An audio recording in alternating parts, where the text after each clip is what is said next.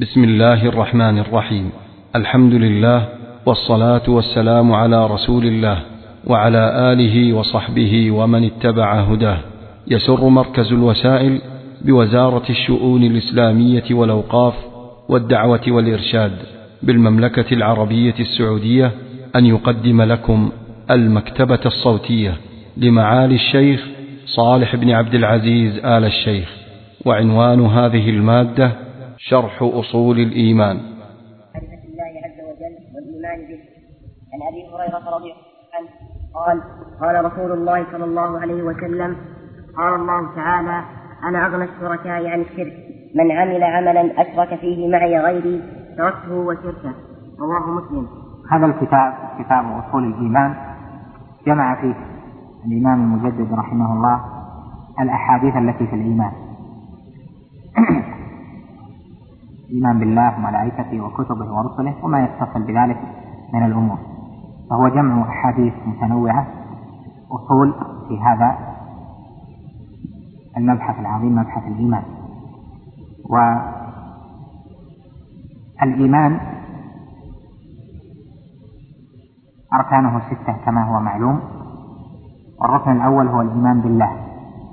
والإيمان بالله ثلاثة أقسام إيمان بربوبية الله لأنه واحد جل وعلا في ربوبيته لا شريك معه والثاني إيمان بألوهية الله وأنه واحد في إلهيته يعني في استحقاقه العبادة لا ند له. والثالث الإيمان بالأسماء والصفات وأنه سبحانه واحد في أسمائه وصفاته لا مثيل له.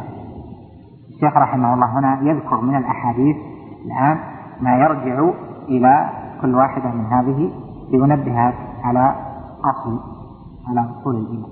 فذكر حديث أبي هريرة أن النبي صلى الله عليه وسلم قال قال الله تعالى أنا أغنى الشركاء عن الشرك. من عمل عملا أشرك فيه معي غيري تركته وشركه. وهذا يفيد فوائد الإيمان. الفائدة الأولى توحيد الربوبية إذ قوله أنا أغنى الشركاء عن الشرك وذلك لتمام ربوبيته سبحانه وانفراده بها. فلكونه الرب وحده هو أغنى الشركاء عن الشرك. إذ الإشراك به جل وعلا باطل لأنه هو الرب وحده دون ما سواه. وقوله من عمل عملا أشرك فيه معي غيري في التوحيد الإلهية وهذا مبسوط في شرح كتاب التوحيد وغيره. المقصود التنبيه على أن الحديث يدل على نوعين من التوحيد توحيد الربوبية توحيد الإلهية وبه يصلح الاستشهاد على تفسير الإيمان بأن الإيمان بالله بالله يعني بربوبيته وإلهيته نعم وعن أبي موسى رضي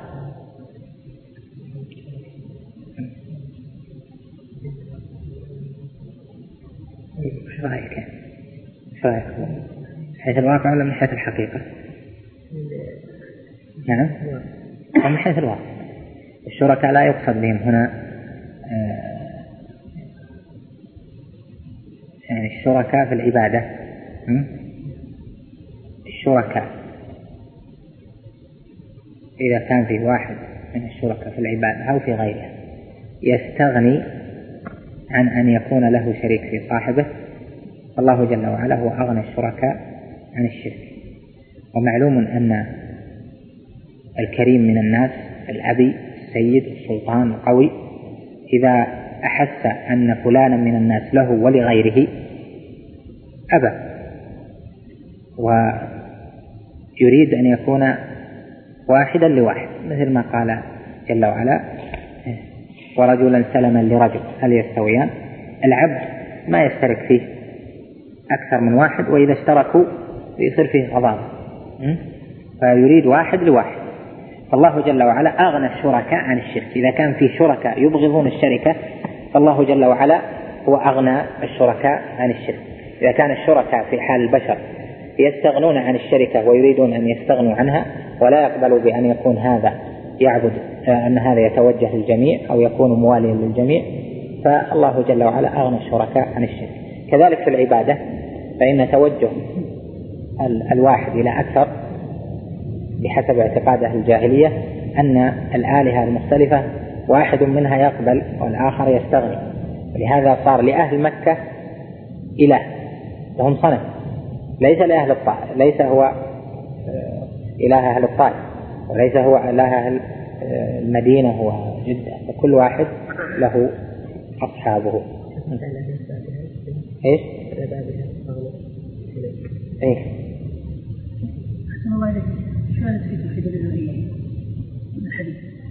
الشركاء عن الشرك أقول من عمل عملا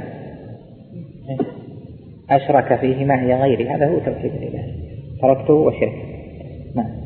وعن أبي موسى رضي الله عنه قال قام فينا رسول الله صلى الله عليه وسلم بخمس كلمات فقال إن الله تعالى لا ينام ولا ينبغي له أن ينام. يخفض القسط ويرفعه. يرفع إليه عمل الليل قبل عمل النهار وعمل النهار قبل عمل الليل. حجابه النور لو كشفه لأحرقت سبحات وجهه. ما انتهى إليه بصره من خلقه. رواه مسلم.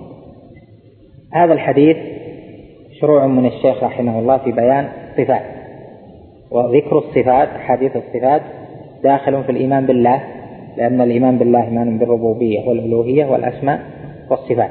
فكل حديث فيه ذكر للأسماء والصفات. الحق جل وعلا فهو مسوق يساق في باب الإيمان بالله.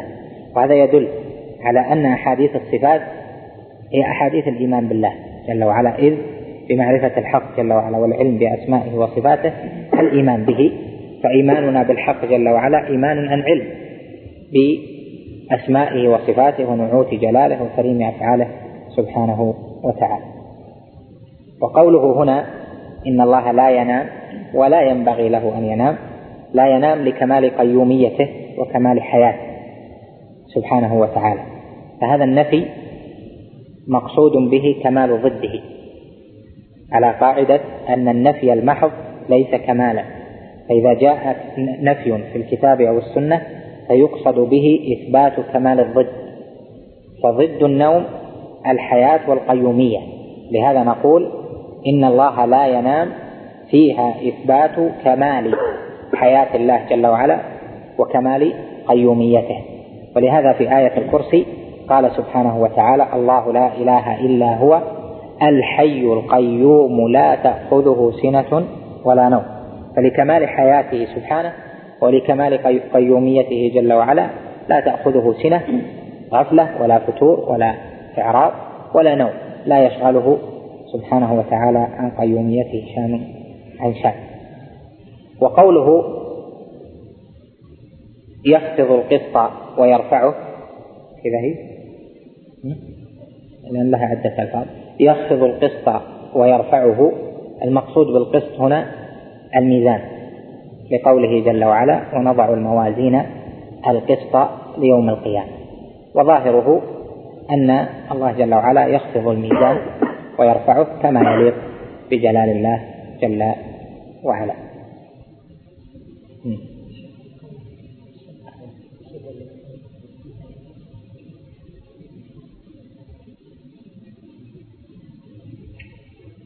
كيف؟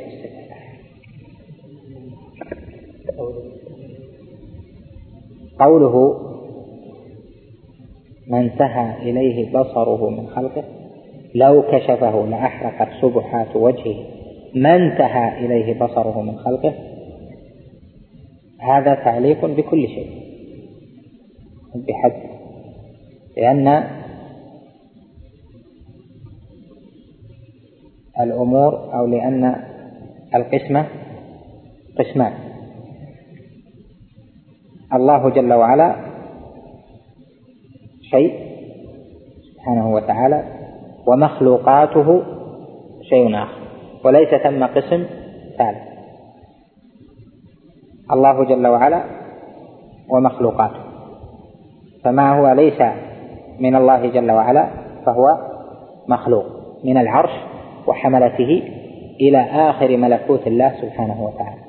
فلو كشف الحجاب سبحانه وتعالى لأحرقت سبحات سبحات وجهه النور قوي لأحرق ما انتهى إليه بصره من خلقه يعني كل الخلق لأن بصر الحق سبحانه وتعالى ليس له حد ولا نهاية متعلق بجميع المخلوقات.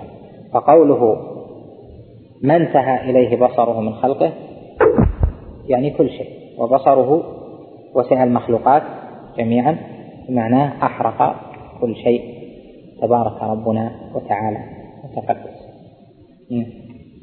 وعن أبي هريرة رضي الله عنه مرفوعا يمين الله ملأى لا تغيضها نفقة. تغيضها. لا تغيضها نفقة. يعني لا تنقصها نفقة. سحاء الليل والنهار أرأيتم ما أنفق من منذ خلق السماوات والأرض؟ فإنه لم يغض ما في يمينه.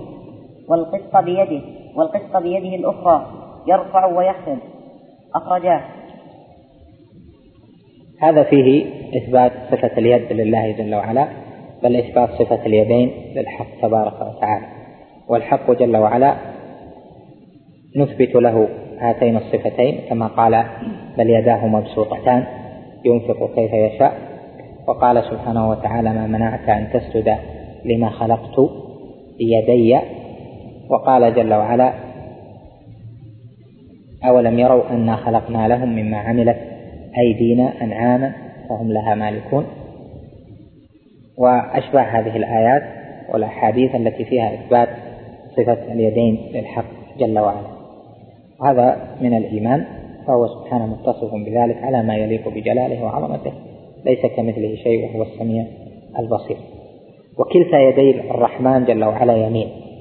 وهل يقال إن للرحمن جل وعلا يمينا وشمالا هذا فيه بحث. والذي في هذا الحديث أن الله سبحانه وتعالى سمى يديه واحدة في اليمين وصف يديه واحدة في اليمين وقال في الثانية الأخرى وبيده الأخرى القسط يخفضه ويرفعه.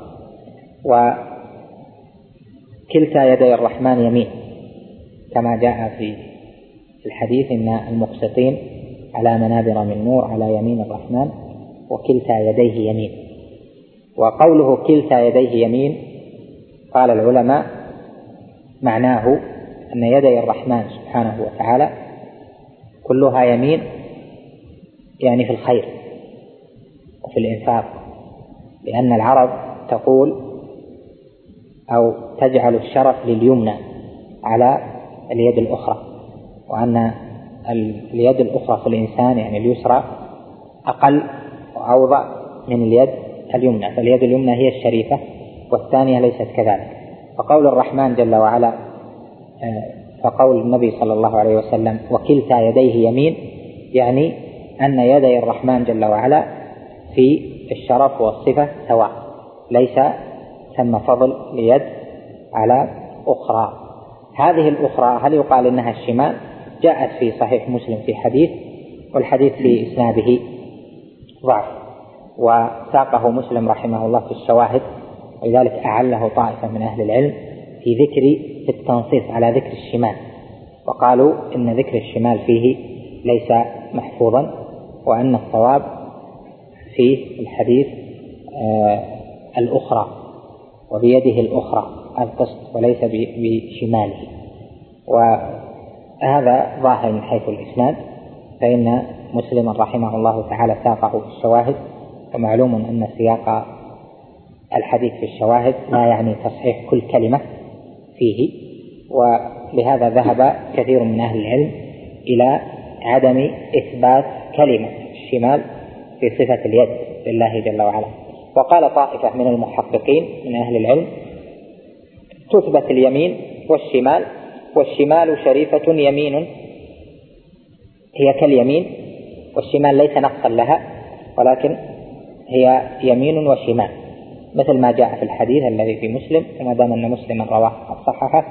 ومال إلى هذا إمام الدعوة الشيخ محمد بن عبد الوهاب في آخر كتابه التوحيد فإنه ذكر في المسائل في آخر الكتاب قال التنصيص على الأخرى بأنها الشمال. وهذا يقول به طائفة من أهل العلم المحققين في هذا والمسألة تحتاج إلى مزيد نظر. والحديث كما ذكرت لكم في إسناده آه، ضعف ويكون ذكر الشمال فيه شاذا. وقد نص على ذلك بعض أئمة الحديث كالبيهقي وغيره نكتفي بهذا. وفق الله الجميع لما يحب ويرضى. قال الإمام رحمه الله تعالى وعن أبي ذر رضي الله عنه قال قال رسول الله صلى الله عليه وسلم شاتين ينتطحان. قال أتدري فيما ينتطحان يا أبا ذر؟ قلت لا. قال لكن الله يدري وسيحكم بينهما. رواه أحمد. هذا في تتمة الكلام على الإيمان بالله جل وعلا. وذكرنا لك أن الإيمان بالله سبحانه وتعالى إيمان بالربوبية والألوهية والأسماء والصفات وهذا ذكر لبعض الصفات.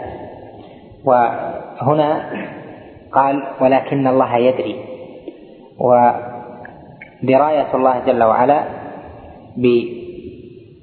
فيما ينتطح. الكبشان والعنزان يعني علمه سبحانه وتعالى بذلك. ومعلوم أن باب الإخبار أوسع من باب الوصف فإن لفظ أو صفة الدراية لا يوصف الله جل وعلا بها لكن يطلق على الله جل وعلا من جهة الإخبار أنه سبحانه وتعالى يدري بهذا الشيء لأنها من فروع العلم. فهناك صفات لها جنس. علم جنس تحته صفات. فجنس ما هو ثابت يجوز إطلاقه على الله جل وعلا من جهة الخبر.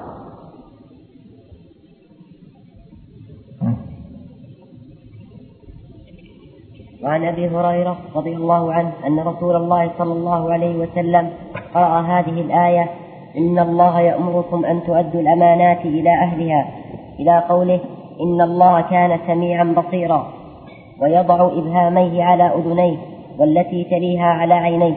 رواه أبو داود وابن حبان وابن أبي حاتم.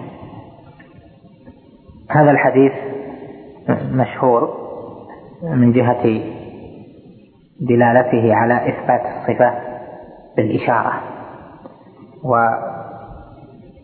وإثبات الصفة بالإشارة كان يفعله بعض السلف لأنه يشير إليها بيده فيشير إلى الأصابع بأصابعه ويشير إلى اليد بيده ويشير إلى السمع والبصر بإمامه كما فعل هنا أبو هريرة رضي الله عنه قال إن الله كان سميعا بصيرا ووضع يده هكذا.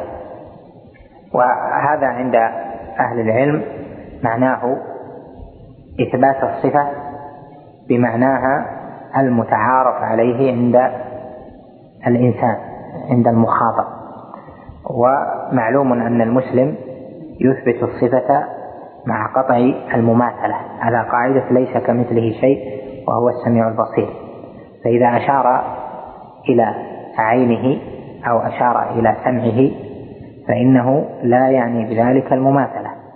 وإنما يعني بها أن العين هي ما تعلم أنها عين. والله جل وعلا لها عين له عين سبحانه لا تشبه الأعين ليس كمثله شيء. سبحانه هو السميع البصير. وكذلك له سمع ليس كمثل سمع المخلوق. فإذا الإشارة معناها إثبات معنى الصفة بما يعهده المخاطب من معناها فيشير لأجل تحقيق ذلك. وبعض أهل العلم قال الإشارة لأجل إثبات الحقيقة وهذا ليس بجيد لأنه يقتضي أن تقسيم الكلام إلى حقيقة ومجاز موجود عند الصحابة. هذا ليس بصحيح فإن الكلام عند الصحابة حقيقة كله لأن الكلام العربي حقيقة وظاهر. والمجاز المدعى نوع من الحقيقة التركيبية والظاهر التركيبي. المقصود هنا أنه إذا قيل لبيان الحقيقة فإنه لحقيق لبيان حقيقة المعنى فلا بأس. وإذا ظن أن الحقيقة هنا يعني الحقيقة المقابلة للمجاز فهذا غلط ولا يصح أن ينسب إلى الصحابة لأنه لا تقسيم للكلام عندهم إلى حقيقة ومجال إذا تبين هذا فلا يناسب عند الناس وعند العوام أن يشار بالأصابع أو يشار باليد أو يشار إلى العين أو نحو ذلك لأن العامة قد تفهم من هذا التمثيل والتشبيه ولهذا أنكروا على كثيرين ممن قال إن الله يقبض السماوات بيده ولو أشار لا إراديا ينكر عليه العامة لعدم قبولهم مثل هذا. وهذا أوجه من الإشارة لأن الزمن مختلف.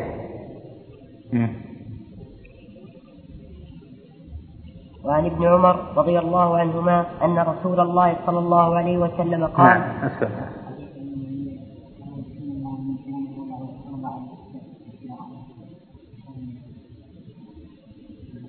لا هذا الذي أشار الحبر اليهودي ليس هو النبي عليه الصلاة والسلام. قال إن الله يضع السماوات على ذه والأرض على ذه والشجر على ذه إلى آخره. وفي بعضها أنه قال على إصبع وعلى إصبع عد خمسة وفي بعضها ستة وفي بعضها أقل. فضحك النبي عليه الصلاة والسلام تصديقا لقول الحزب. وهذا لا إشكال فيه لأنه مثل ما ذكرنا أنه لأجل بيان المعنى مع قطع المماثلة. وعن ابن عمر رضي الله عنهما أن رسول الله صلى الله عليه وسلم قال مفاتيح الغيب خمس لا يعلمها إلا الله لا يعلم ما في غد إلا الله ولا يعلم ما تغيض الأرحام إلا الله ولا يعلم متى يأتي المطر أحد إلا الله ولا تدري نفس بأي أرض تموت إلا الله ولا يعلم متى تقوم الساعة إلا الله تبارك وتعالى. سبحانه رواه البخاري ومسلم. هذا اختصاص الغيب بالله جل وعلا. والغيب نوعان. غيب وقع وانقضى فغاب عن بعض. وهذا ليس هو مما يختص الله جل وعلا به. وإنما ما يختص الله جل وعلا به هو النوع الثاني وهو الغيب الذي سيأتي. الذي لم يقع بعد. فهذا لله جل وعلا. الغيب الماضي علمه بعض الناس رأته الجن. ولهذا يحصل من العرافين أنهم يستدلون على مكان المسروق مع أنه غيب بالنسبة للناس لكن لا يدخل هذا في ادعاء الغيب لأنهم تخبرهم الجن بمكانه. فهو ليس من الغيب الذي اختص الله جل وعلا به. والله سبحانه وتعالى قال وعنده مفاتح الغيب لا يعلمها إلا هو. وهذا هو الغيب الذي يكون في المستقبل القدر القادم لا يعلمه على ما سيقع عليه من هيئته صفاته وزمانه ومكانه وقدره إلى آخر ذلك إلا الرب سبحانه وتعالى. فالحديث فيه إثبات علم الرب جل وعلا بما سيكون. وعلم الله جل وعلا المختص به في أشياء حادثة لا يعلمها إلا هو كعلم ما في الأرحام ولا يعلم ما في الأرحام إلا الله جل وعلا. وعلم ما في الأرحام المختص به الله جل وعلا يشمل كل ما في الأرحام من جنين ومن حالته وحال الرحم وغيظ الرحم وازدياده وإتيان الغذاء والدم وقلة ذلك وترقي الجنين في خلقه. يعني على هذه التفاصيل التي لا يعلمها إلا الله جل وعلا. فإن الإنسان مهما وصل علمه فإنه لا يستطيع أن يعلم ذلك على وجه التفصيل في كل ما يحصل. ولهذا كلمة ما في آية لقمان في قوله ويعلم ما في الأرحام هذه عامة. ما بمعنى الذي والأسماء الموصولة كما هو معلوم تعم ما كان في حيز صلتها فقوله ويعلم ما في الأرحام يعني الذي هو كائن في الأرحام. فكل ما يكون في الرحم يعلمه سبحانه. وأما معرفة هل الذي في الرحم جنين الجنين هل هو ذكر أم أنثى فهذا يختص بالله جل وعلا في ما قبل نفخ الروح. وأما ما بعد نفخ الروح فإنه يخرج عن العلم المختص بالله جل وعلا لأن لأنه قد ثبت في صحيح مسلم أن النبي صلى الله عليه وسلم قال إن النطفة إذا طارت في الرحم أتى الملك بعد أربعين. فقال له الله جل وعلا اكتب رزقه وأجله وشقي أو سعيد وذكر أم أنثى. وفي رواية قال أي ربي يقول الملك أي ربي شقي أو سعيد. فيأمر الله ويكتب الملك. ما يقول أي ربي ذكر أو أنثى. فيأمر الله ويكتب الملك. فيعلم الملك بعد مضي هذه المدة هل هو ذكر أم أنثى. قال طائفة من العلماء كان بعض الناس يعلم إذا رأى بطن المرأة يعلم ما فيها هل هو ذكر أم أنثى إما بدلائل وإما بكشف. يعني كشف من باب الكرامات أو بدلائل يستدل بها من شكل البطن أو آه، الحركة أو غير ذلك. المقصود أن ما في الأرحام عامة بالتفاصيل. ومسألة هل ما فيه ذكر أو أنثى هذه خاصة ليست هي كل ما يدل عليه اختصاص الله بعلم الله بعلمه بما في الأرحام. ومعناها وضابطها ما ذكرنا. والباقي واضح نعم. إيش؟ فاعل. فاعل يعلم. يعني تركيب الكلام ولا يعلم أحد. متى يأتي المطر. إلا لكنه أخر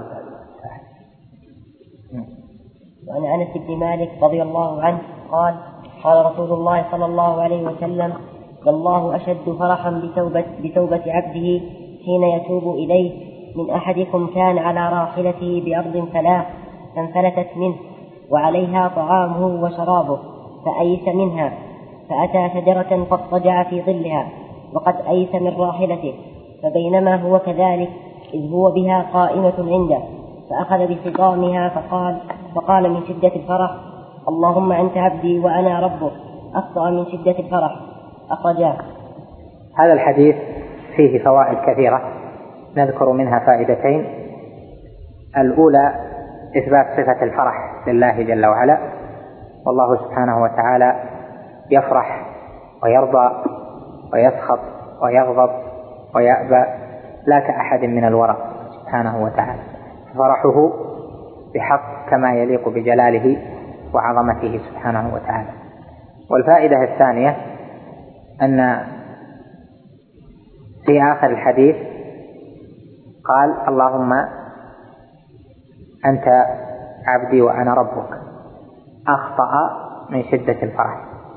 دل على أن الألفاظ المكفرة إذا أتت على اللسان من غير قصد إلى هذا اللفظ من غير قصد إلى إنشاء وإنما تقدم لفظ في عند المتكلم أو تأخر وصار اللفظ كفريا أن هذا من الخطأ المعفو عنه لأن الله سبحانه لا يؤاخذ إلا بما تعمد المرء إليه قلبه. فقال سبحانه ولكن يؤاخذكم بما كسبت قلوبكم.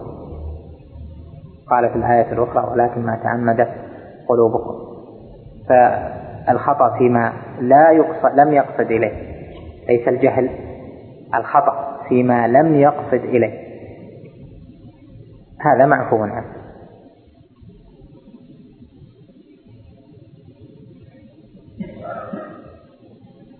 مكتب هذا اسمح لنا اليوم؟ ها؟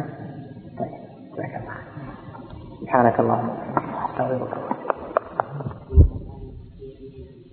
قال الإمام رحمه الله تعالى وعن أبي موسى رضي الله عنه أن رسول الله صلى الله عليه وسلم قال إن الله يبسط يده بالليل ليتوب مسيء النهار ويبسط يده بالنهار ليتوب مسيء الليل حتى تطلع الشمس من مغربها. رواه مسلم. الحمد لله رب العالمين وأشهد أن لا إله إلا الله وحده لا شريك له الملك الحق المبين وأشهد أن محمدا عبده ورسوله صلى الله عليه وعلى آله وصحبه وسلم تسليما كثيرا إلى يوم الدين. أما بعد فهذا كتاب الإيمان. الإمام الشيخ محمد بن عبد الوهاب رحمه الله تعالى من المعلوم أن أول أركان الإيمان الإيمان بالله الايمان بربوبيته وإلهيته وأسمائه وصفاته.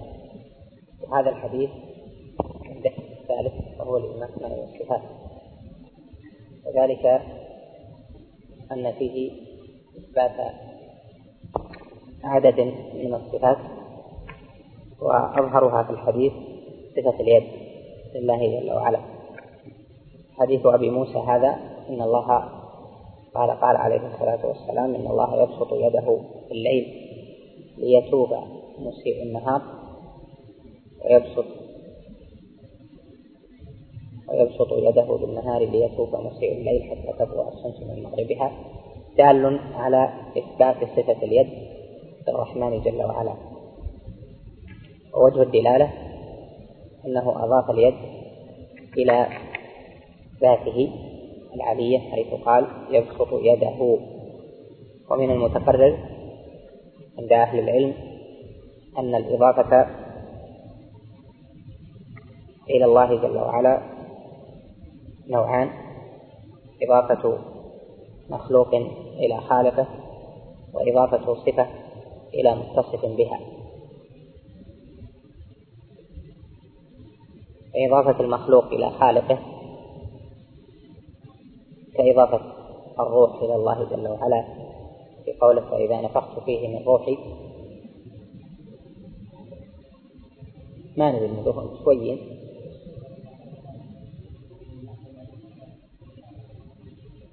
إيه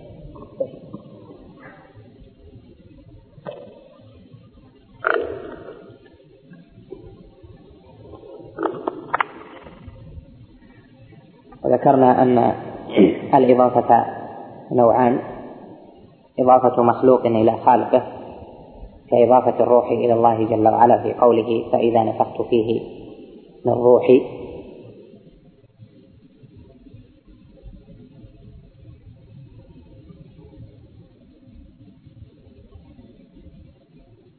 وكقوله جل وعلا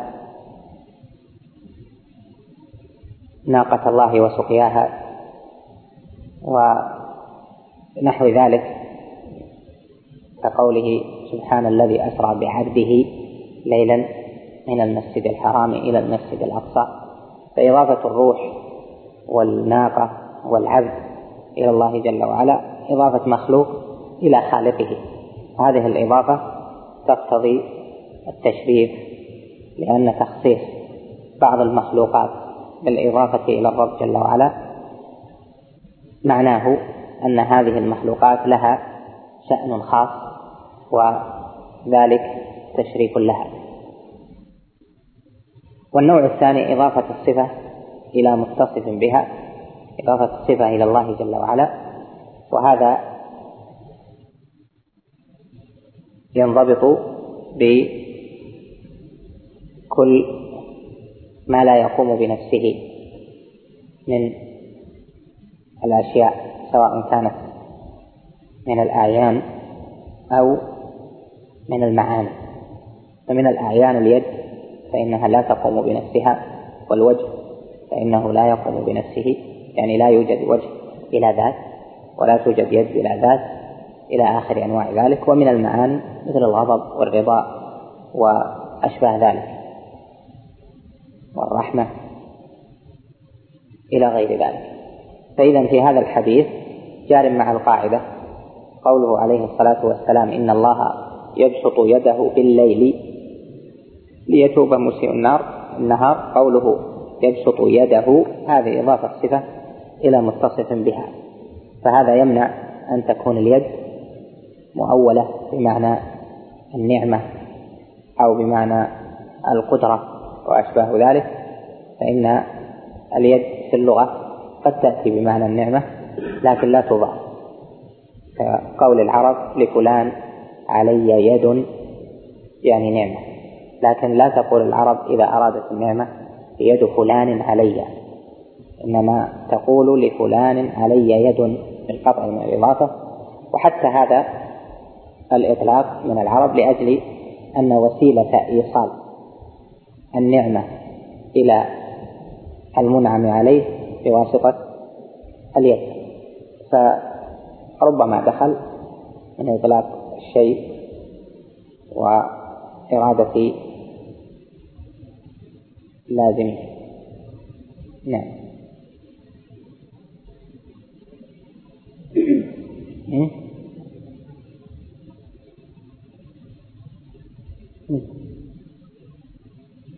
ولا معلوم أن الحروف العربية لا يمتنع إطلاق المفرد على المثنى ولا يمتنع إطلاق الجمع على المفرد ولا يمتنع إطلاق المثنى على الجمع.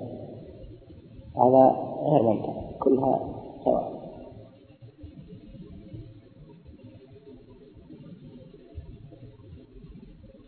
فإذا أطلق المفرد فقد يراد به المفرد المعين. وقد يراد به الجنس. لكن لما سمعنا قول الله جل وعلا بل يداه مبسوطتان ينفق كيف يشاء. علمنا أن قوله يبسط يده في الليل يعني يديه سبحانه وتعالى. نعم. ولهما عن عمر رضي الله عنه قال قدم على رسول الله صلى الله عليه وسلم شبه هوازن فإذا امرأة من السبي تسعى. إذ وجدت صبيا في السبي فأخذته فألزقته ببطنها فأرضعت. فقال النبي صلى الله عليه وسلم اللهم صل أترون هذه المرأة طارحة ولدها في النار؟ قلنا لا والله. فقال الله أرحم بعباده من هذه بولدها. هذا الحديث فيه إثبات صفة الرحمة لله جل وعلا وفيه امتناع تأويل صفة الرحمة بإرادة الإنعام أو الإحسان لأنه عليه الصلاة والسلام مثل والله سبحانه وتعالى له المثل الأعلى. فلما مثل رحمة عظم رحمة الله جل وعلا برحمة هذه المرأة بولدها علمنا أن المراد هنا الرحمة المعروفة. المعهودة عند الناس التي يجدها كل إنسان في نفسه يعرف معنى الرحمة والكلمات إنما هي للتعبير عن الأشياء والرحمة معلومة يعني يعلمها المرء من نفسه لأن لأنها فيه غريزة. فلهذا قوله الله أرحم بعبده من هذه بولدها يدل على إثبات صفة الرحمة وعلى أنها صفة لله جل وعلا. على ما يليق به سبحانه وتعالى وعلى أنه يمتنع تفسير هذه بإرادة الإنعام لأن والتمثيل يمنع ذلك. نعم. وعن أبي هريرة رضي الله عنه قال قال رسول الله صلى الله عليه وسلم لما خلق الله الخلق كتب في كتاب فهو عنده فوق العرش. إن رحمتي غلبت غضبي. رواه البخاري.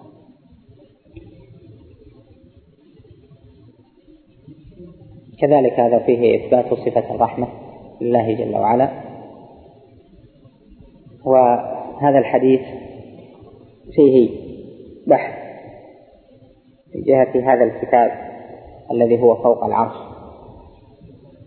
إن الله كتب كتابا.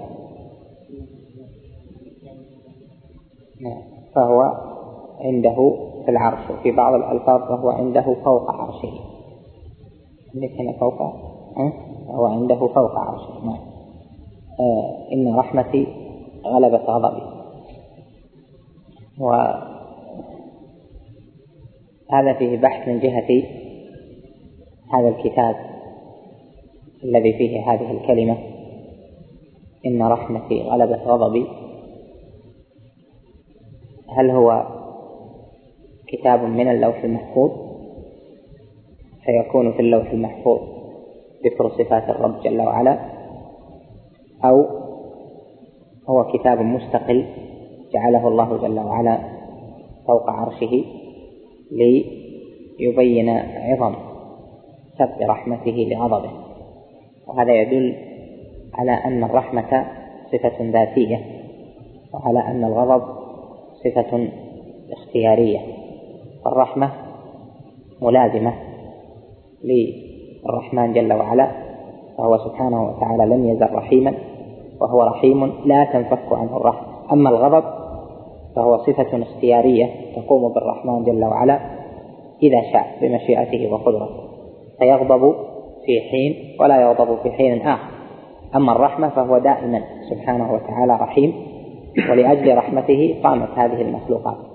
فقيام هذه المخلوقات وظهور النعم فيها كلها من آثار رحمة الرب جل وعلا.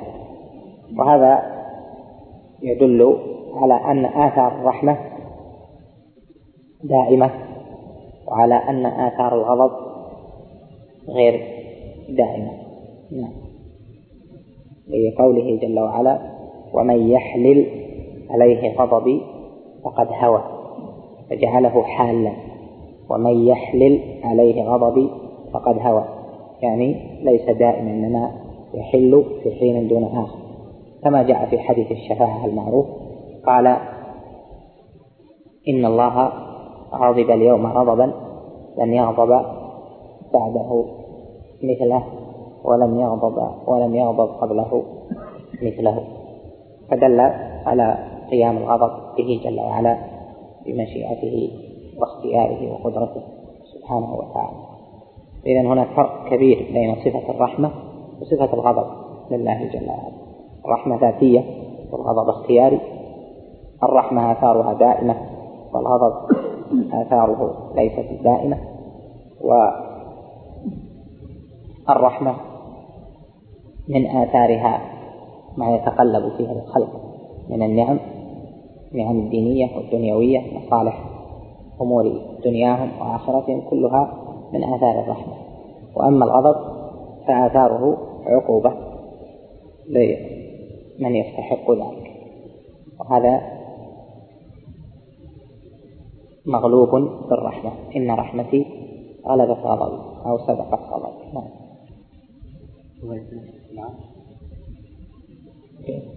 وفوق عرشه فوق. إيش اللي عنده عنده فوق نعم.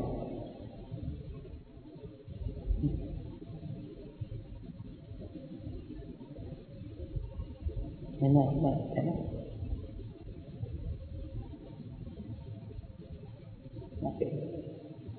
ما يعني إن المخلوقات جميعا على هذا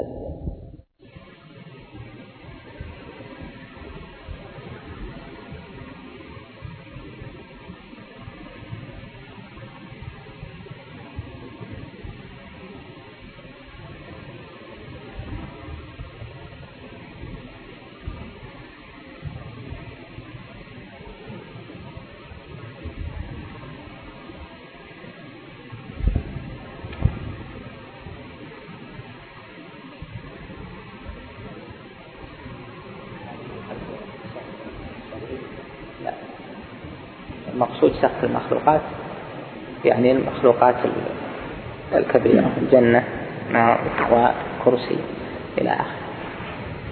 نعم.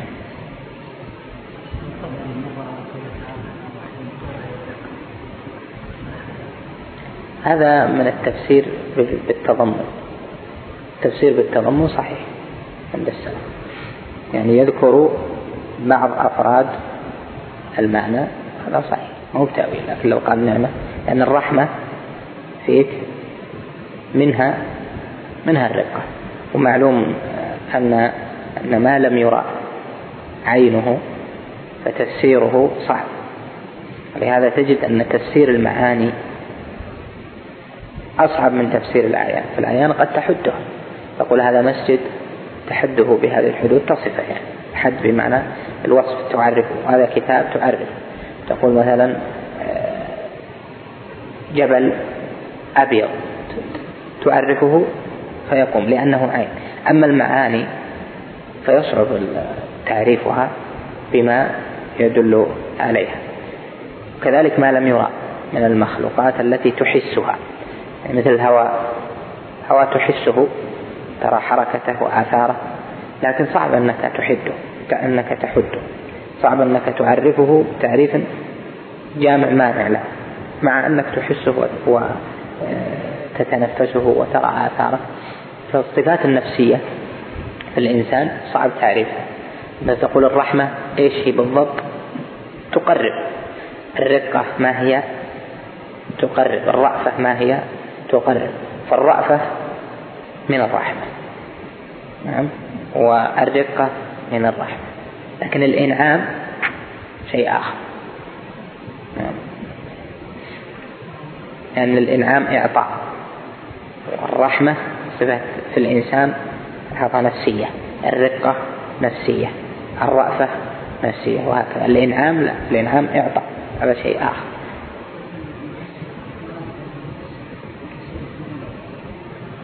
فلا يقبل منه التفسير. التضمن. يعتبر تأويل. إلا إذا كانت متضمنة. يعني لو جاء مفسر فسر الرحمة بالرقة ولو كان مؤولا نقول صحيح. هذا تفسير بالتضمن. لكن مثلا في قول الله جل وعلا يد الله فوق أيديهم. تجد أن ابن كثير يقول هذا تسديد في أمر نكث البيع في إلزامهم بكذا وكذا إلى آخره. وما ذكر إثبات صفة في قوله تعالى تبارك الذي بيده الملك. وهو على كل شيء قدير. قال بيده يعني تحت قهره وتصرفه. فهنا إذا كان في موضع إثبات اليد بل يداه مبسوطتان ما منعك أن تسجد لما خلقت بيدي.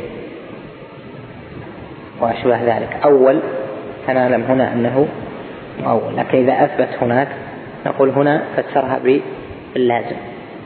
لأنه يلزم من كون الملك بيده سبحانه أن يكون تحت قهره وتحت تصرفه. هذا تفسير باللازم التفسير بالتضمن باللازم قد يقبل وقد لا يقبل وهذه مسألة كبيرة في التفسير في مسائل الاختلاف.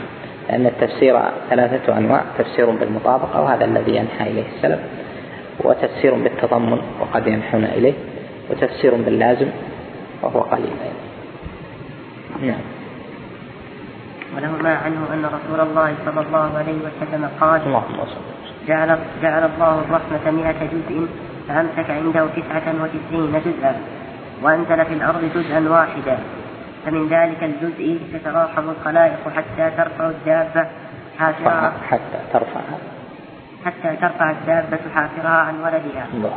خشية أن تصيبه ولمسلم معناه من حديث سلمان وفيه كل رحمة سباق ما بين السماء والأرض. وفيه فإذا كان يوم القيامة كملها بهذه الرحمة. وهذا الحديث كسابقيه في إثبات صفة الرحمة لله جل وعلا ولكن فيه مزيد فائدة وهي بيان أن الصفة لله جل وعلا لها آثارها في الخلق. فرحمته سبحانه وتعالى جعل جزءا منها له أثر في الأرض فبها يتراحم العباد. فجزء من أجزاء رحمة الرحمن جل وعلا جعلها في عباده فكل ما ترى من التراحم هذا من آثار وصف الرحمن بالرحمة من آثار اتصاف الرحمن جل وعلا بالرحمة.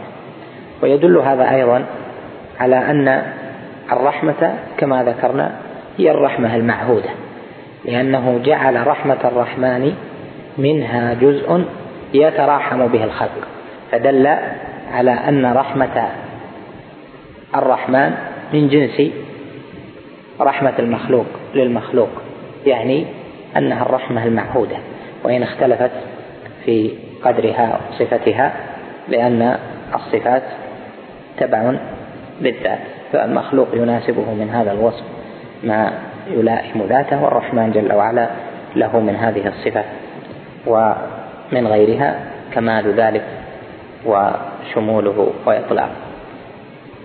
نقف عند هذا.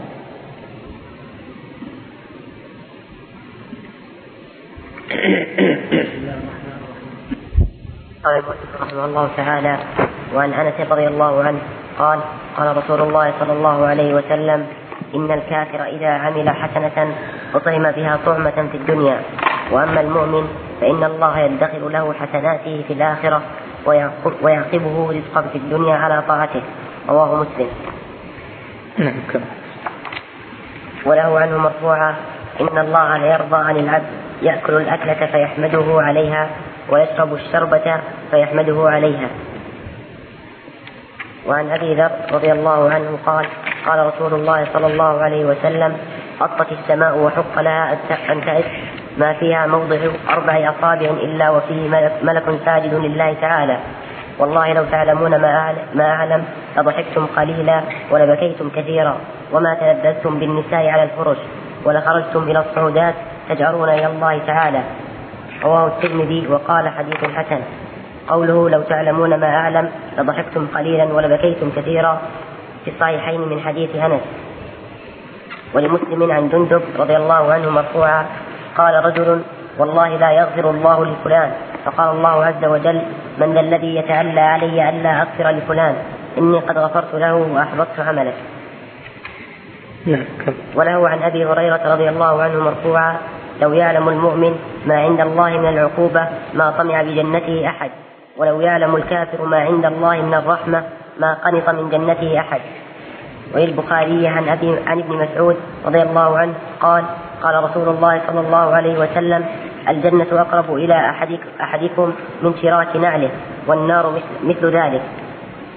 وعن أبي هريرة رضي الله عنه مرفوعا إن امرأة بغي بغية رأت كلبا في يوم حار يطيف ببئر قد أدلع لسانه من العطش فنزعت لها فنزعت له موقها فسقته فغفر لها فغفر لها به. وقال دخلت النار امرأة في هرة حبستها لا هي أطعمتها ولا هي أرسلتها تأكل من خشاش الأرض. قال الزهري لئلا يتكل أحد ولا ييأس أحد. أخرجاه. وعنه مرفوعا عجب, عجب ربنا من قوم يقادون إلى الجنة بالسلاسل. رواه أحمد والبخاري. وعن أبي موسى الأشعري رضي الله عنه قال قال رسول الله صلى الله عليه وسلم وما وما أحد أصبر على أذى يسمعه من الله. يدعون له الولد يدعون. يدعون له الولد ثم يعافيهم ويرزقهم. رواه البخاري. هذه الأحاديث من كتاب أصول الإيمان للإمام الشيخ محمد بن عبد الوهاب رحمه الله تعالى. كما ذكرنا لك فيها ذكر صفات الله جل وعلا. وذكر الجنة والنار. فسبق أن ذكرت بعض الصفات في الأحاديث كالرحمة و اليد واليد وغير ذلك. وهذه الأحاديث التي ذكرها فيها ذكر القدر وذكر صفة المغفرة وذكر الجنة والنار. الحديث الأول حديث أنس رضي الله عنه قال قال رسول الله صلى الله عليه وسلم إن الكافر إذا عمل حسنة أطعم بها طعمة في الدنيا. هذا فيها إثبات كمال عدل الله جل وعلا وأنه لا يضيع إحسان محسن وعمل عامل حتى الكافر ولكن ثوابه يكون عليه في الدنيا وذلك لكمال صفاته سبحانه وكمال عدله. إن الكافر إذا عمل حسنة أطعم بها طعمة في الدنيا. فأما المؤمن فإن الله يدخر له حسناته في الآخرة ويعقبه رزقا في الدنيا على طاعته.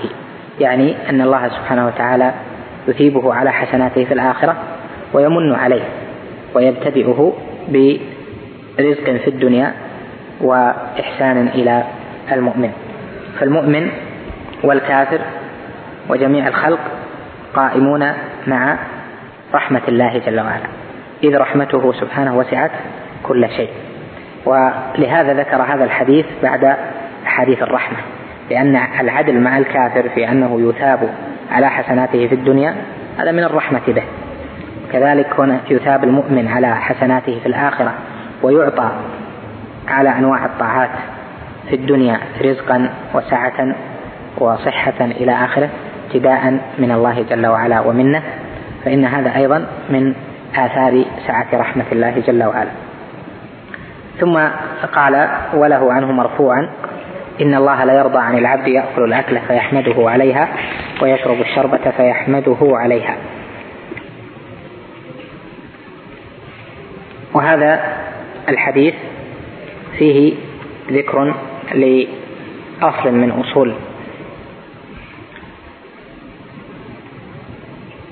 الإيمان بالصفات ألا وهو الإيمان بالصفات الاختيارية.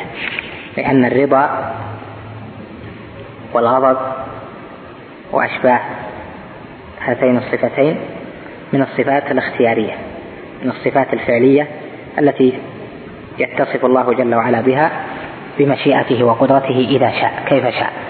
والأولى صفة الرحمة هذه صفة ذاتية صفة الرحمة الله جل وعلا لا ينفك عنه اتصافه بالرحمة بل هو سبحانه رحيم في كل حال. ولو لم يكن رحيما في آن من الأوان لهلك خلقه أجمعون. ولهذا عقب الشيخ رحمه الله بذكر الصفات الاختيارية على الصفات الذاتية لأن الصفات الذاتية أعظم والصفات الاختيارية يتصف الله بها سبحانه في حال دون حال بمشيئته وقدرته. إن الله لا يرضى عن العبد يأكل الأكلة فيحمده عليها. وهذا دليل على أن الرضا يكون حين الأكل وحين الشرب إذا حمد العبد رضي الله عنه ذلك. بخلاف قول الأشاعرة قول المبتدعة أن الرضا قديم. يقولون رضا الله عن عبده المؤمن قديم. رضي وانتهى. رضاه فإذا كان كافرا في أول عمره ثم كان مكتوبا له أن يؤمن فإنه مرضي عنه حتى في حال كفره. فالصحابة في حال كفرهم مرضي عنهم ولو في حال عبادتهم أو عبادة بعضهم للأوثان. والمؤمن الذي يختم حياته نسأل الله العافية والسلامة بردة فإنه مغضوب عليه حتى حين كان يصلي. وهذا باطل من القول لأنه في أساسه ناشئ عن نفي الصفات الاختيارية. والله سبحانه وتعالى بين في كتابه أن صفته الاختيارية تحل بعد أن لم تكن حالة. كما قال سبحانه ومن يحلل عليه غضبي فقد هوى. ومن يحلل عليه غضبي فقد هوى فيحل بعد أن لم يكن حالا. وكما جاء في حديث الشفاعة المعروف قال إن الله غضب اليوم غضبا لم يغضب قبله مثله ولن يغضب بعده مثله. فدل على أن الغضب يتفاوت أنه يتفاوت من جهة الصفة من بعض الغضب أعظم من بعض وأيضا يتفاوت من جهة الزمن يغضب في حال دون حال فيتصف بذلك سبحانه كيف شاء. ثم ساق بعد ذلك حديث أبي ذر قال قال رسول الله صلى الله عليه وسلم اطت السماء وحق لها أن تئط ما فيها موضع أربع أصابع إلا وفيه ملك ساجد لله تعالى. الحديث. فيه هذا عظمة الحق جل وعلا وعبودية الملائكة له سبحانه وأن السماء مملوءة بعباد الله جل جلاله. مملوءة بالملائكة الذين هم ما بين ركع وسجود وقيام لله وللحق سبحانه وتعالى. والحديث الذي بعده قال ولمسلم عن جندب رضي الله عنه مرفوعا قال رجل والله لا يغفر الله لفلان. قال الله عز وجل من ذا الذي يتألى علي ألا أغفر لفلان إني قد غفرت له وأحبطت عمله هذا الحديث معلوم شرحه وبيانه في كتاب التوحيد وننبه فيه إلى أن قول القائل لا يغفر الله لفلان هذا له نظائر. فهنا قال لا يغفر الله لفلان يعني أنه تحكم في صفة الله جل وعلا. يعني أنه قال هذه الصفة لا تكون لفلان. وهذا يكون عند الناس في حديثهم في صفات أخرى ومن أصول الإيمان عند أهل السنة توقير الله جل وعلا وتعظيمه والإنابة إليه والاستكانة له وعدم التألي عليه والقول عليه بلا علم. فمثلا يقول الناس في ألفاظهم هذا ما يستاهل. اللي جاه والله حرام من فلان يصيبه كذا.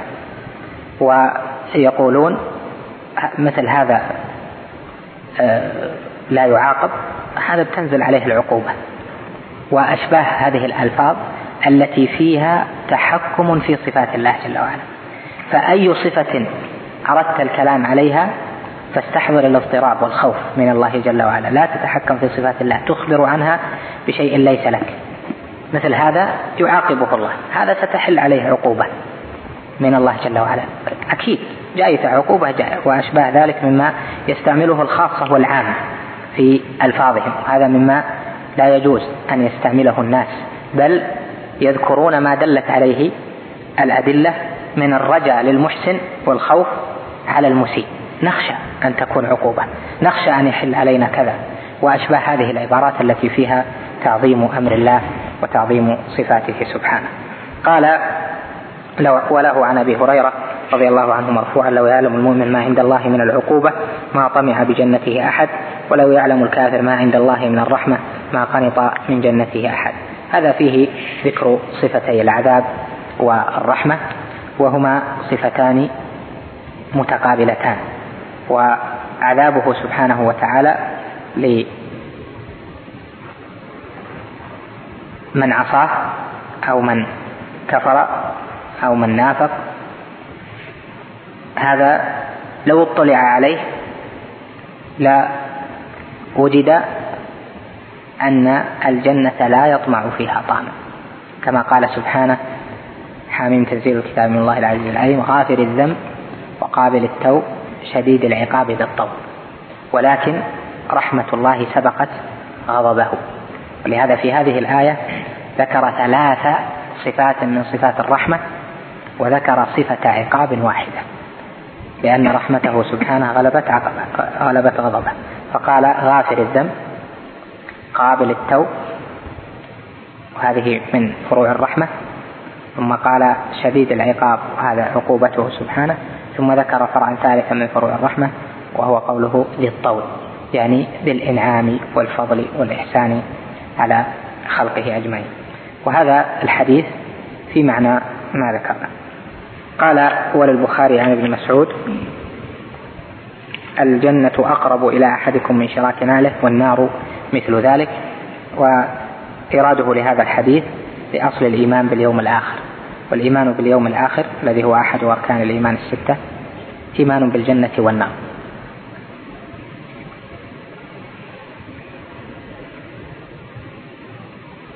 والثاني والحديث الذي بعده حديث المرأة البغي والذي بعده هو في هذا المعنى نعم.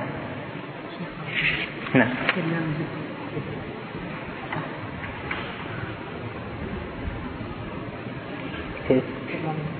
أي.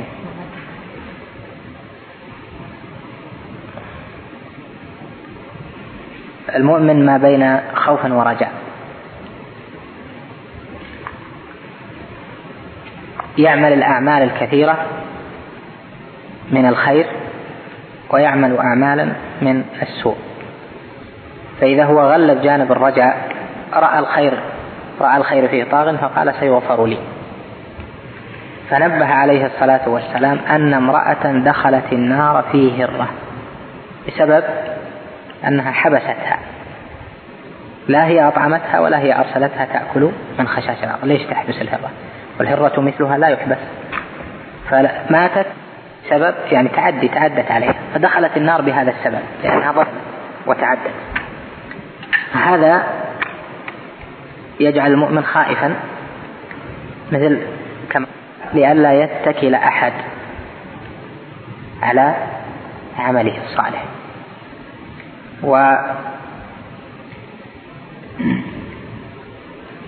لئلا ييأس أحد من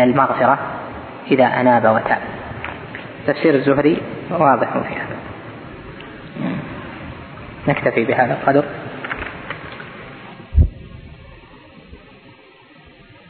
عليكم الصلاة والسلام على أشرف الأنبياء والمرسلين نبينا محمد وعلى آله وصحبه أجمعين. وله عن أبي هريرة رضي الله عنه قال قال رسول الله صلى الله عليه وسلم اللهم صل إن الله تبارك وتعالى إذا أحب عبدا نادى يا جبريل إن الله يحب فلانا فأحبه فيحبه جبريل.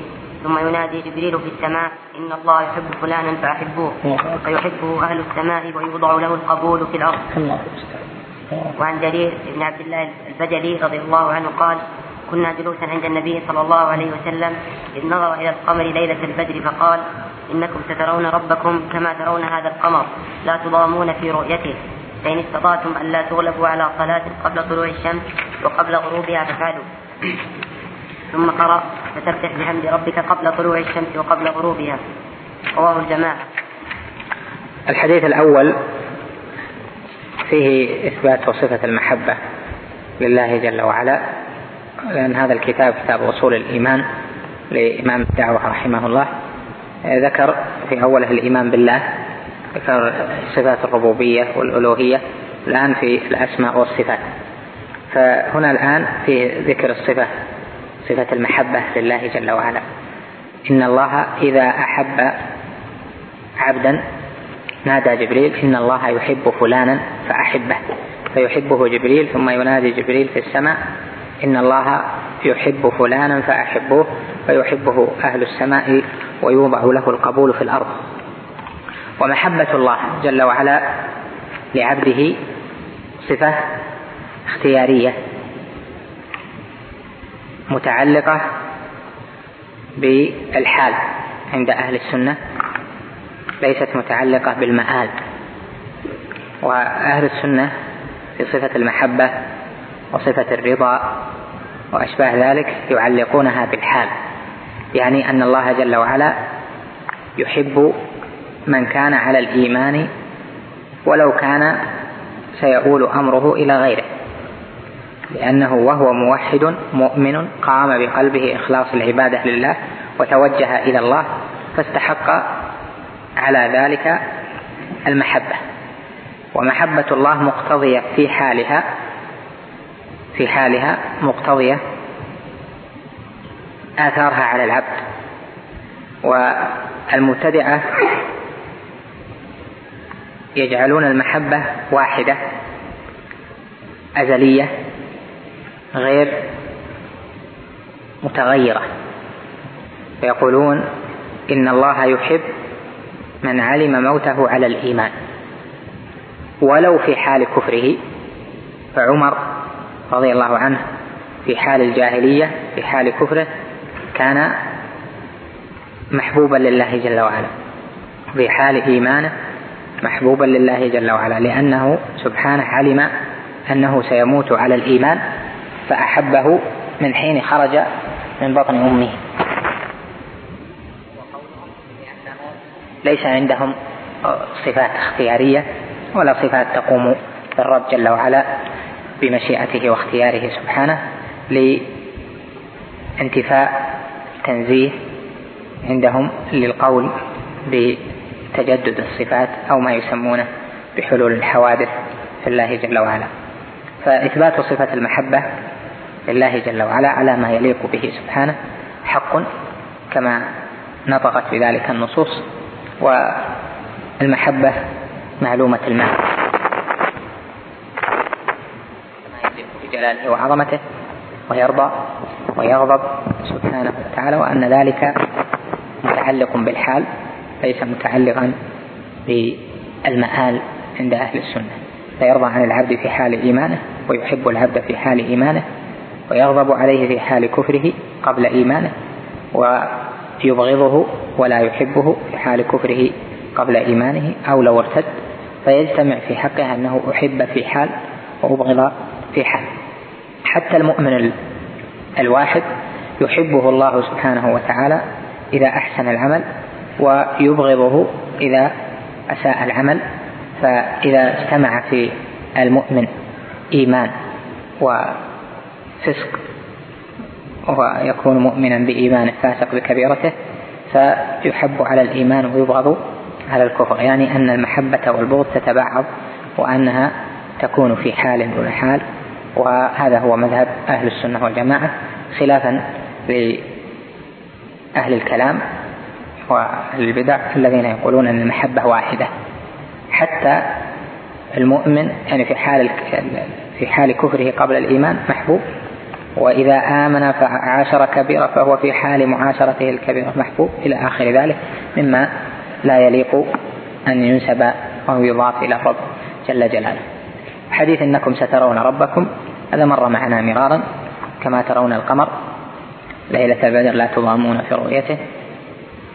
آه، مر معنا تقريره وأن فيه إثبات الرؤية لله جل وعلا.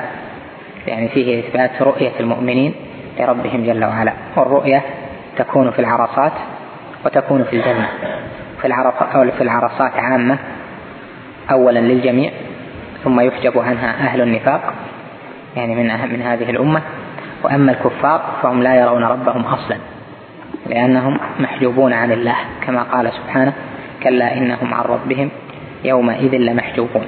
وأما هذه الأمة المؤمنون منهم والمنافقون الرجال والنساء فإنهم يرون الله سبحانه وتعالى ثم يحجب عنها أهل النفاق وتبقى رؤية أهل الإيمان ثم تكون الرؤية التي هي محل اللذة والنعيم في جنة الخلد. نعم.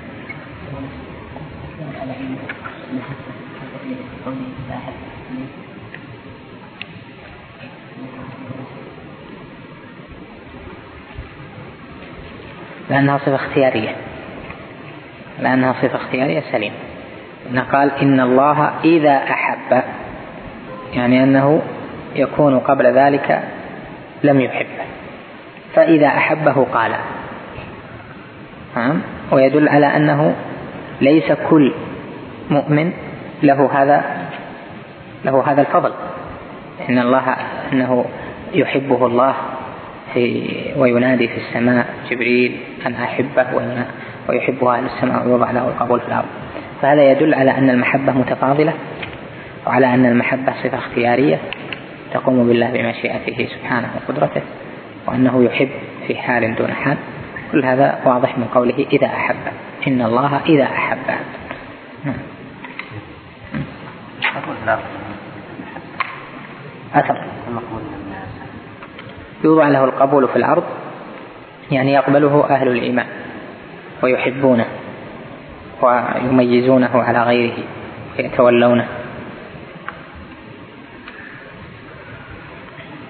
مثل ما حصل أقول للصحابة رضوان الله عليهم فأهل الإيمان يحبونهم مثل سادات التابعين ومثل الإمام أحمد والإمام الشافعي والإمام مالك يعني هؤلاء متفق عليه أي يحبه أهل يوضع له القبول يعني تقبل يقبل وتقبل محبته وتقبل موالاته ونصرته.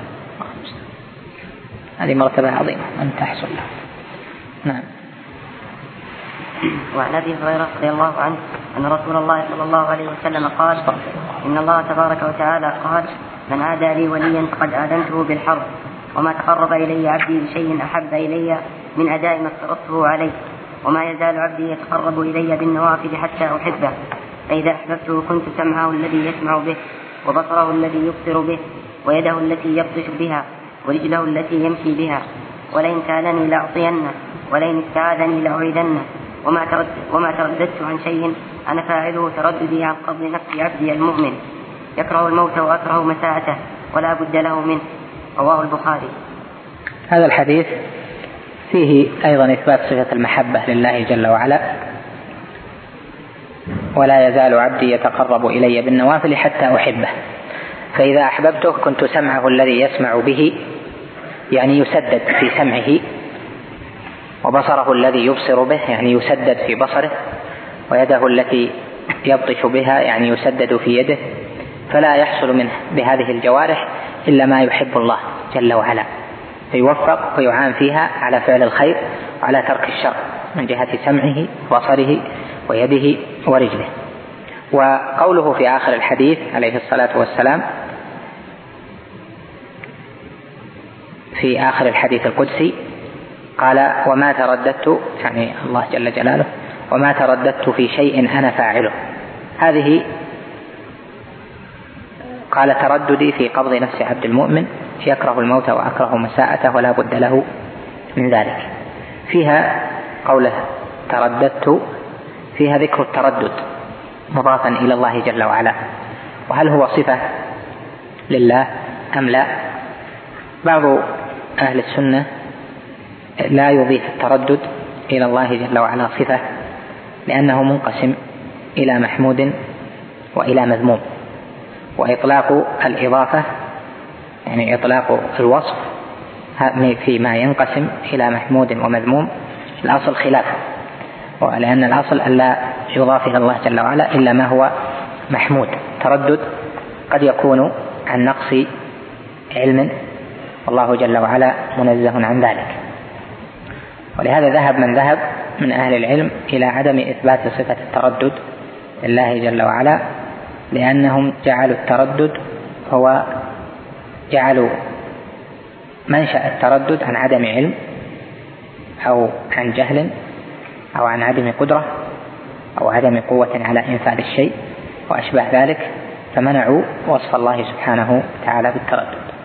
والقول الثاني عند أهل السنة أن التردد صفة من صفات الله جل وعلا وأن تردده سبحانه وتعالى بحق وأن حقيقة التردد ليس معناها أن نشأ عن جهل أو عن عدم قوة أو قدرة كما قاله الأولون بل حقيقة التردد أنه تردد الإرادة في أي الأمرين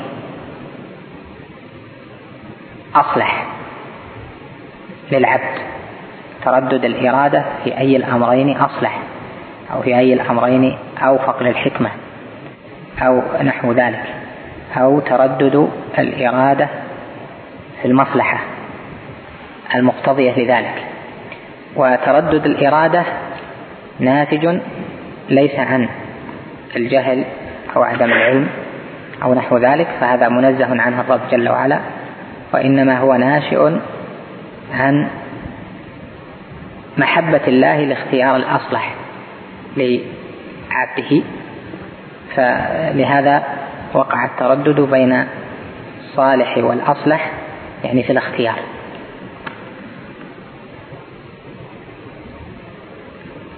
وإذا كان كذلك فإن التردد على هذا يكون كمالا لأنه لم ينشأ عن جهل ولا عن عدم قوة وقدرة إنما هو راجع إلى الحكمة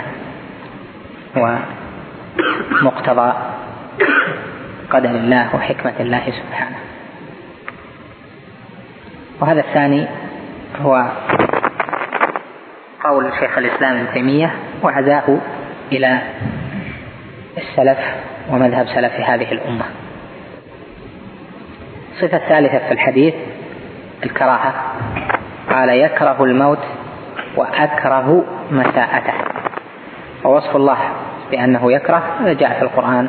وفي السنة في أحاديث كثيرة كقوله سبحانه ولكن كره الله بعاثهم فثبطهم وقيل اقعدوا مع القاعدين وكره الله سبحانه وتعالى هذا يتعلق بالأعيان ويتعلق بالصفات يعني بالذوات وبالصفات وهو صفة اختيارية. وهنا في الحديث يتعلق بصفة المساءة وأكره مساءته ولا بد له من ذلك. نكتفي بهذا. قدر. وهذا الدرس آخر الدروس في ما قبل الحج وإن شاء الله نكمل بعد الحج. أما السبت عندنا يوم السبت إن شاء الله ونقف بعدها. أسأل الله لي ولكم حسن الختام والعمل الصالح وأن يغفر لنا ذنوبنا وإسرافنا في أمرنا وصلى الله وسلم وبارك على نبينا محمد.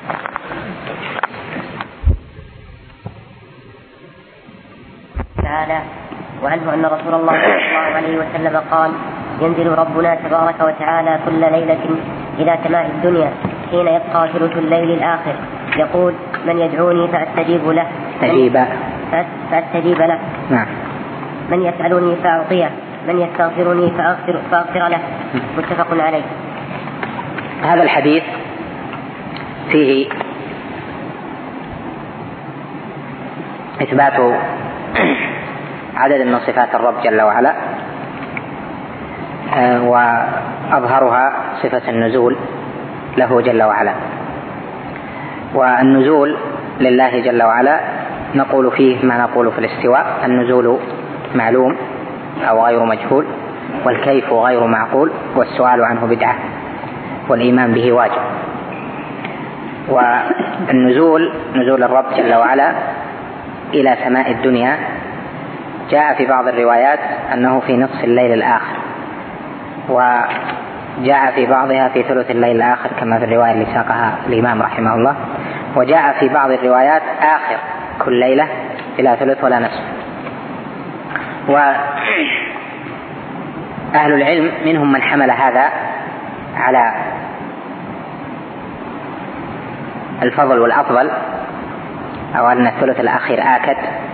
وابتداء النزول أو النزول يبدأ في نصف الليل الآخر. ومنهم من حملها على أن حساب نصف الليل غير حساب ثلث الليل الآخر. فإذا قيل نصف الليل فهو حساب ما بين غروب الشمس إلى طلوع الفجر الثاني مقسوما على اثنين. تضيفه إلى ساعة الغروب يعطيك نصف الليل ابتداء نصف الليل. وأما ثلث الليل الآخر فيكون ما بين الغروب إلى الإشراق مأخوذ الثلث الآخر منه والوقت على هذين متقارب. شيخ الإسلام رحمه الله لما قال هذا قال وهذا القول وجيه. يعني أن حساب الليل حساب نصف الليل يكون غير حساب ثلث الليل. وعلى العموم الروايات نقول إنها متفقة في أن النزول يكون ثلث الليل الآخر وهو الأكثر رواية والأثبت هو كما ساق الإمام رحمه الله هنا أو في نصف الليل الآخر على اعتبار. النزول في صفة الله جل وعلا